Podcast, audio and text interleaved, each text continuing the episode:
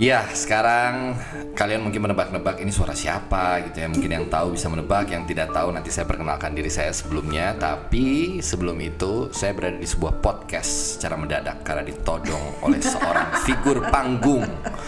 Siapa lagi kalau bukan Happy Salma. Di samping sebelah kanan saya kalau kalian bingung ada kanan mana, itu ada Tia. Hai. Dan saya sendiri sebagai tamu sebenarnya bukan host ya. Tamu adalah Reza Rahadian. Terima kasih banyak loh. Saya tuh sayang sama kamu bukan hanya sekedar adik. Deket dikit ngomongnya boleh teh. Iya. Oh iya, maaf ya saya kurang kekinian. Ya? Enggak kedengaran Biar bulat gitu teh suaranya biar enak. Biar bulat mau suara yang mana perut apa tenggorokan? Gimana teh? Oke, em, makasih banyak Reza. Aku sebetulnya ini kita kayak dapat undian berhadiah yang Waduh. Oh, loh, karena gini. Durian runtuh. Durian runtuh ya, durian durian mon- montong ya. Yang mustang yang Nah, mahal. Yang mahal. Jadi gini, hari ini sebetulnya aku tuh sama Tia, Tia adalah seorang pimpinan produksi di Titi Mangsa. Ah, iya. Kita berdua tuh pengen kita ngobrol-ngobrol aja yuk gitu mumpung aku juga lagi ada di Jakarta. Hmm. Karena kayaknya banyak banget yang pengen kita bicarakan yang enggak nggak kesampaian kalau misalnya kita uh, ngobrol-ngobrol di Instagram Ya. atau wawancara gitu. Ya mungkin sedikit banyak pengalaman kita ini bisa memberikan energi-energi baru buat banyak orang karena aku pun banyak menemukan energi baru itu dari obrolan banyak orang juga gitu. Nah, terus hari ini ya ampun. Tiba-tiba. Tiba-tiba aku mau tanya sama kamu, kenapa kamu tiba-tiba muncul seperti jelangkung di kantongnya Titi Mangsa? Langsung terinspirasi gitu. Karena kamu datang, jadi kamu ditodong. Kamu menjadi bagian dari kita. Bahkan aku akan menodong kamu akan menjadi pengurus di Titi Mangsa Langsung ya kita ganti bikin akte perubahan. Jadi kehadiran kehadiranku di sini sebenarnya karena tadi kita ketemu di rumah. Betul. Terus tiba-tiba uh, uh, kan makan-makan di rumah, habis itu tiba-tiba uh, Teteh punya eh, ngasih tahu berita bahwa dia akan mau bikin podcast. Terus aku kayak, "Oh, gitu Teh. Oke, oke. Di mana di Titi Mangsa?" "Oh iya, oke." Eh, kalau kamu aja gimana ya? Terus aku kayak langsung tertodong gitu, "Hah? Gimana Teh?" Ya udah kita ngobrol-ngobrol aja. Ini episode perdana. Tapi deh, sebelum itu kan aku kenapa bisa menodong kamu sedemikian agresif disebabkan itu ada alasannya. Hmm. Mungkin kamu nggak sadar, kamu lagi makan bilang gini, aku tuh sebetulnya ya kangen banget ke Titi Mangsa. oh iya, betul. Coba coba coba coba. Iya iya iya iya jadi siapa? jadinya eh, aku tadi nyeletuk gitu sama teteh teh kangen banget ya ke Titi Mangsa gitu maksudnya latihan suasana latihan makan bareng di sini kita latihan pagi datang pulang sore segala macam gitu ketemu sama anak-anak Titi Mangsa gitu kan berproses teater lagi gitu itu sangat apa ya aku kangen banget gitu Bikin nagih ya. bikin nagih gitu dan ini kan kayak base campnya anak-anak ya Banget. kayak semua project-project Titi Mangsa kan kebanyakan Ngepulnya juga di sini. ngepulnya di sini gitu. Jadi aku tuh lagi kangen. Aku baru kemarin tadi malam tuh aku sempet kayak kepikiran gitu. Aduh kangen banget ya. eh, ke Titi Mangsa gitu dapat Iya. callingan aku bilang dapat Iya. callingan untuk yo ada reading yo ada rehearsal yo ada apa gitu loh ti Soalnya kan Titi Mangsa sendiri kan artinya terjadi pada waktunya ya teh. Sebetulnya Tepat ada pada. Ah. Iya, waktu tempat situasi iya itu. Titi Mong Kolo Mongso gitu kan ya Iya, jadi memang mungkin ini kehadiran kamu di sini dan tiba-tiba menjadi bagian dari podcast perdananya Titi Mangsa sih kita akan membahas tentang sisi panggung atau apa pun lah itu kita belum belum apa ya dapat judul gitu ya jud- eh, dapat judul yang benar-benar apa solid gitu ya. Tapi yang pasti kenapa ya? Karena namanya Titi Mangsa itu dikasih sama bapakku dulu. Jadi tahun 2006 gitu ya. Awalnya aku mau bikin sebuah lembaga budaya, namanya apa ya? Terus dia bilang, ya mungkin sesuatu yang nggak harus heboh banget, tapi ada terus. Apa ya? Dia bilang, ah pada waktunya kata dia gitu. Ha. Titi mangsa itu dalam bahasa Sunda. oh kalau di bahasa Jawa kan Titi, Titi Mongso. Mongso Iya, Sunda titi mangsa. Jadi Ah. kamu pun ada di sini berarti memang sudah Tepat tepat pada waktunya. waktunya.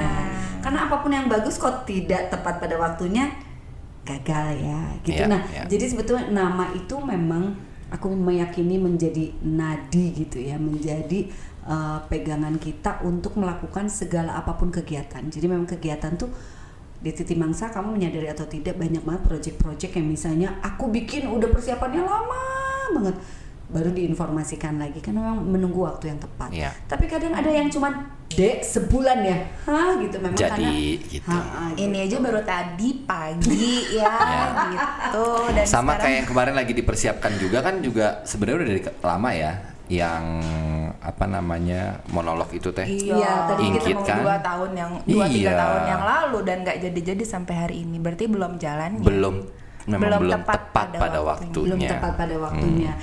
Nah karena ya itu tadi kalau kita ngomongin panggung ya, panggung itu banyak energi yang eh, tidak bisa kita duga ya dalam arti karena kan pada saat itu ya. Nah pada saat itu tuh dengan terjadinya aja tuh banyak hal-hal di sekitar kita yang di luar dugaan kita Ya. juga kadang. Jadi ada hal-hal misterinya menurut aku. Hmm. Misteri bukan hantu ya, Ya. maksudnya maksudnya sesuatu hal yang berhubungan dengan energi manusia gitu. Jadi ya, memang hmm, ya itu tadi. Energi semesta gitu Uh, ya. Uh, kalau kita harus benar-benar kayak ngejar deadline, diikutin sampai pokoknya apa pun yang terjadi harus terjadi gitu, itu memang agak jadinya melelahkan keluar dari konteks tujuan kita untuk Iya. membuat sebuah persembahan gitu. Eh, kita mau balik lagi ke sana tapi sebelumnya kan tadi ngobrolin namanya ya gitu tapi sebelumnya Teteh kenapa sih pengen bikin Titi Mangsa misalnya pengen bikin lembaga ini atau apa namanya Eh, maksudnya kan aku juga nggak ada dari awal apalagi Reza nih baru mau Yes. menjadi seorang pengurus Waduh, iya jadi eh, kenapa sih Teh bikin Titi Mangsa dan sampai hari ini ada gitu kan Jadi awalnya kamu, aku pernah ceritain sama kamu gak sih Reza? Nggak? Apa? Awalnya aku bikin Titi Mangsa, enggak. enggak ya? Suatu, Pernah mungkin tapi ya, Oke. Suatu hari. Iya jadi horor jadi harus. Jadi gini, aku kan lahir dari dunia sinetron ya. Ya, Waktu tahun 2000 nih ya. Kamu udah lahir, Ti? udah alhamdulillah Alhamdulillah. udah dong. Kali aja. Uh, jadi waktu tahun 2000-an awal itu aku tuh memang aktif di sinetron. Nah, sebetulnya ketika aku main sinetron itu adalah ladang tersuburku dengan membaca karya sastra Indonesia. Karena di saat menunggu syuting, aku banyak membaca, banyak menulis dan aku merasakan rasa sepi gitu. Karena memang hidupku ya syuting habis itu ya baca syuting nulis gitu. Jarang ketemu hangout teman-teman. Aku beda dengan kamu ya. Maksudnya pergaulannya itu ya memang membosankan mungkin pada saat itu. Nah karena banyak rasa sepi itu lalu satu ketika aku diajak oleh satu kelompok perempuan mereka para aktivis mereka membuat sebuah pertunjukan. Mereka membuat sebuah eh, bentuk kolaboratif sebetulnya tentang isu perempuan mengangkat tentu tentang eh, spesifik tentang Nyai Ontosoroh Hmm. mereka bikin Nyai Ontosoroh Project dari karya Pramudia Anantatur. Jadi bukan tentang bumi manusianya tapi Nyai Ontosorohnya. Hmm. Nah, waktu itu saya berkenalan pertama kali eh, dengan Faiza Marzuki, dengan teman-temannya dan juga eh, Yulia Evina Bara pertama kali kenal di sana dan dengan Kang Wawan Sofwan yang akhirnya memang selalu banyak menyutradai pertunjukan-pertunjukan kita ya. Ya. Nah, dari dia saya belajar bahwa ternyata ada bentuk kolaboratif untuk mengalihwahanakan sebuah karya-karya sastra. Hmm. Biasanya kan aku banyak baca ya, terus aku tuh suka membayangkan, aduh yang aku baca tuh bagus banget, tapi kalau dibikin sinetron, film, gimana caranya ya gitu. Terus budgetnya gimana, terus gimana caranya untuk menyampaikan. Jadi aku nggak kebayang film atau sinetron ruang yang terjangkau oleh aku untuk menyebarkan apa yang aku baca selama ini yang menurut aku, aduh ini mempengaruhi hidupku, pola pikirku, pola pandangku gitu karena gara-gara berkumpul dengan para uh, perempuan-perempuan itu, kamu kebayang nggak kalau perempuan bersatu seperti apa ya?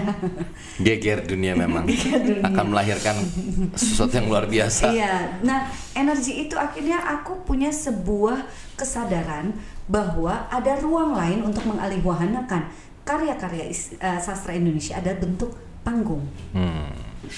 gitulah nah akhirnya karena kesadaran itu terus aku tak lama memang menulis buku. Eh, sebelumnya memang menulis buku tapi akhirnya buku itu aku bikin program kayak keliling sastra. Nah nah karena keliling-keliling sastra ah boleh deh aku coba panggungkan.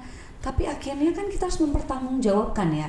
Karena kan ada sponsor, ada siapa yang terlibat, tiba-tiba misalnya kolaboratif dengan fotografer atau pelukis, ada pembelian apa kan harus ada. Jadi harus ada sebuah wadah. Jadi titi mangsa itu sebetulnya memang terpaksa dibuat karena harus ada. Kalau enggak nanti aku sulit untuk mempertanggungjawabkan. Gitulah ceritanya. Nah, ternyata dari situ ini ruang bermainnya aku lama-lama sinetron, mungkin film juga aku memang tidak terlalu banyak terlibat.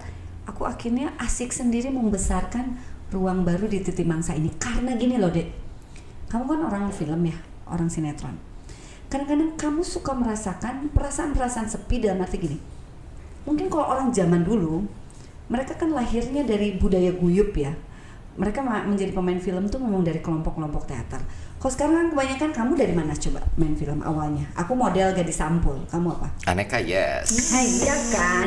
Nah maksudnya kita tuh lahir dari majalah, dari apa gitu. Iya. Jadi jejekan kita tuh kadang kita merasa ada sepi gitu. Nah orang-orang zaman dulu itu main film, akhirnya ke sinetron itu tuh banyak lahir dari teater. Jadi punya rasa guyupnya.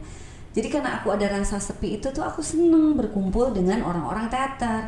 Hanya saja kelompok-kelompok teater yang ada yang selama ini aku ikuti kan itu punya keanggotaan. Jadi kita harus disiplin kan sebagai anggota. Jadwal-jadwalnya yang sangat sulit. Aku gimana ngawinin dengan kesibukanku. Akhirnya Titi Mangsa melahirkan metode baru gitu loh, Dek Ya. bentuk kolaboratif. Jadi Titi Mangsa itu, itu adalah sebuah uh, kelompok teater individu sebetulnya. Karena Hmm. kolaboratif. Ada kamu masuk bisa dari teater uh, Koma masuk, dari teater Gandrik masuk, teater Satu Lampung masuk, main teater masuk, bahkan dari banyak teater yang berserak bisa ngumpul di sini. Jadi ini adalah wadah kelompok alternatif untuk bisa merasakan energi atau guyupnya rasa panggung atau kelompok teater tapi tidak terikat gitu. Oke. Jadi rasanya cocok untuk orang-orang yang punya profesi seperti kita, uh, pemain film, pemain sinetron, atau bahkan profesi apa pun tapi ingin merasakan energi tersebut gitu. Ya. Inilah ingin, meras- rumahnya. ingin merasakan proses panggung itu sendiri Iya, gitu ya. Jadi inilah rumahnya gitu. Itu Ya. ceri- ceritanya. Oke. Kayak monolog ya panjang. Lumayan. Eh, itulah teteh kalau udah ngomong agak panjang. Ibu-ibu. Ibu-ibu namanya juga ya. Tapi penting untuk didengar oleh semua orang biar tahu sejarahnya Titi Mangsa kayak gimana. Tapi teh di Titi Mangsa itu kan orangnya sebenarnya nggak banyak. Iya. Ya orangnya kan nggak banyak sebenarnya, cukup sedikit gitu. Nah sedikit orang ini tapi kemudian mampu menggandeng orang-orang banyak. Dari mulai produksi yang Teteh mungkin pertama kali lakukan sampai detik ini, berapa produksi yang sudah dilahirkan sama Titi Mangsa? 43. 43. Iya. Wow. Itu yang udah aku pegang ya. Sebelum itu ada keliling-keliling sastra yang teteh eh, ronggeng dukuh paruk. Waduh. Itu mungkin Mhm. Kita bisa ke di Belanda, ke 50 Swiss, lah. ada sekitar ha. 50-an kurang lebih produksi. Produksi. dari Iya. 2007. Karena memang jujur itu 10 12 tahunan aku memang banyak fokus ke panggung memang rasanya jadi sangat Sekarang tahun produktif. ke-12. Iya, kurang lebih Kalau ya. dari kalau aku track back sih 2007 itu udah ada program Titi Mangsa itu. Oke. 2007 cuma memang nggak seintens dari 2011 11. 2014 itu baru 2013 lah baru Hmm. intens banget sampai tahun ini 2021 gitu. Aku aja di Titi Mangsa udah 4 tahun. Iya. Nggak kerasa ya. Dan gue 10 tahun. Ya kan? Aku aja 4 tahun ya. Iya 4 tahun Lebih. lebih. Lebih 5 tahun lah tahun ini. Eh, 2016 kan? Aku 2006. Eh 2006, 2016. 2016. Jadi 5 tahun. Ya 2016 ya, Dik? Iya, BPA pertama Iya, BPA 2016. 2016. Ya benar. dan udah berapa produksi yang Reza terlibat di Titi Iya. Mangsa? BPA tiga kali, Hairil, Cinta Tak Pernah Sederhana, Hmm. Sandiwara podcast Sastra. eh Sandiwara Sastra, lima, Rumah Kenangan. Rumah Kenangan. 8 kali ada. Banyak ya. Lumayan ya. Dan berulang-ulang kan pentasnya 8. 8 loh produksi. 2021 doaku buat Titi Mangsa adalah semoga tetap produktif dan melahirkan karya-karya yang menyentuh banyak hati orang. Amin, amin, amin. Semoga kita terus maksudnya punya penonton. ya betul. Maksudnya Dan semoga bisa ke panggung sulit. lagi. Amin. Iya, amin, amin paling Kita ada banyak yang support juga ya, semoga ya. Maksudnya yang uh, support dalam arti uh, mendanai programnya, karena kan tidak mungkin bisa sendiri ya. Iya. Terus udah gitu banyak juga aktor-aktor Iya. dan juga orang-orang teater yang masih memberikan waktu untuk tetap berkolaborasi dengan kita ya. Ya semoga deh panjang ya, karena Amin. ini milik kita dan memang harus kita yang bekerja keras untuk uh, mewujudkan impian-impian pilihan profesi kita yang tidak mudah ini. Betul. Oke. Em, satu lagi, eh bukan satu lagi mungkin. Terakhir dari Tia kali ya. Enggak, enggak terakhir. Ada yang banyak yang nanya kan sebetulnya kan di Instagram, di sosial media Titi Mangsa, gimana sih cara gabung di Titi Mangsa? Hmm. Nah itu yang aku sering kebingungan jawab sih sebenarnya. Nggak bingung, cuman mungkin bisa Iya. diobrolin di sini sih. Gabungnya sebagai apa? Kalau Iya. kamu tanya. Karena kan banyak banget yang gabung. Kamu kebayang nggak setiap pentas kita tuh banyak banget volunteer loh. Iya banyak. Oh yang keren-keren, yang cantik-cantik, banget. Iya, iya, iya. Bahkan ada yang jadi naik tingkat yang Jadi akhirnya iya. diproduksi. Oh ada yang jadi aktor, Iya. jadi aktris Iya, ada. iya, Iya. Makanya dari dari anak-anak volunteer dari yang kelas acting gitu. Jadi mungkin Ti, gini jawabannya adalah karena kita ini si teater individu itu, jadi bisa juga terlibat di setiap produksi mungkin. Misalnya bisa kirimkan apa sih keahliannya mereka, apa yang mereka suka, Iya. bisa kita libatkan di sana gitu. Iya, Tentu. sebenarnya itu menarik teh karena mereka jadinya mungkin eh, pilihan solusinya adalah ketika mereka untuk nanya ke Tia atau nanya ke Instagramnya Titi Mangsa, ya mereka bisa menjelaskan juga mereka pinginnya terlibat di Iya, bagian mana. benar. Jadi kayak bikin CV kecil lah gitu. Aku tertariknya di sini, bisa nggak aku ikut di Titi Mangsa untuk bagian ini kan? Nggak menutup kemungkinan. Kamu tahu nggak ada pernah ya yang pernah terlibat volunteer kita eh, umurnya 60, 60. tahun. Dan dia nanya gitu, so cute dia bilang bisa nggak sih di tiap produksi nanti nenek-nenek, kakek-kakek bisa ikut terlibat untuk mengisi waktu luangnya mereka. Iya, Aku iya, bisa di iya. depan menerima tamu, mengantarkan ke kursi, karena saya hanya ingin ada di area panggung karena saya dulu penari gitu Oh, deh. Cute banget. Gemes cute banget ya. Intinya adalah semakin banyak energi, Mm-hmm. mungkin kita tidak bisa memberi banyak materi atau apa, tapi pengalaman berproses itu semoga bisa terus kita lakukan bersama-sama Iya, gitu. betul. Dan banyak semakin banyak juga lintas ya profesi dari film ke panggung-panggung Iya, film dan generasinya juga. Iya. Lintas generasinya juga. Ya. Oke. Oke, Ti, tutup Ti. Ya udah tutup Tutup Ti. sama aku ya. Iya. Oke. Eh, jadi itu episode perdana dari podcast Titi Mangsa yang kita belum tahu judulnya apa. Kalau teman-teman punya ide boleh ya nanti pas eh, di Instagram Titi Mangsa di eh, postingan kita tentang podcast ini bisa ditulis ya teh ya Iya, judulnya kira-kira apa nih Apa yang ya? pas Uh, gitu uh. buat eh, podcast ini. Kalau yang kepilih mungkin kita bisa Memberikan kasih ada satu eh, hadiah. hadiah. Oke. Oke, terima kasih. Terima kasih. Terima kasih Tete, terima kasih Reza. Sampai ketemu lagi di Iya. podcast Terus selanjutnya. kreatif. Salam sayang dari Titi Mangsa. Dadah.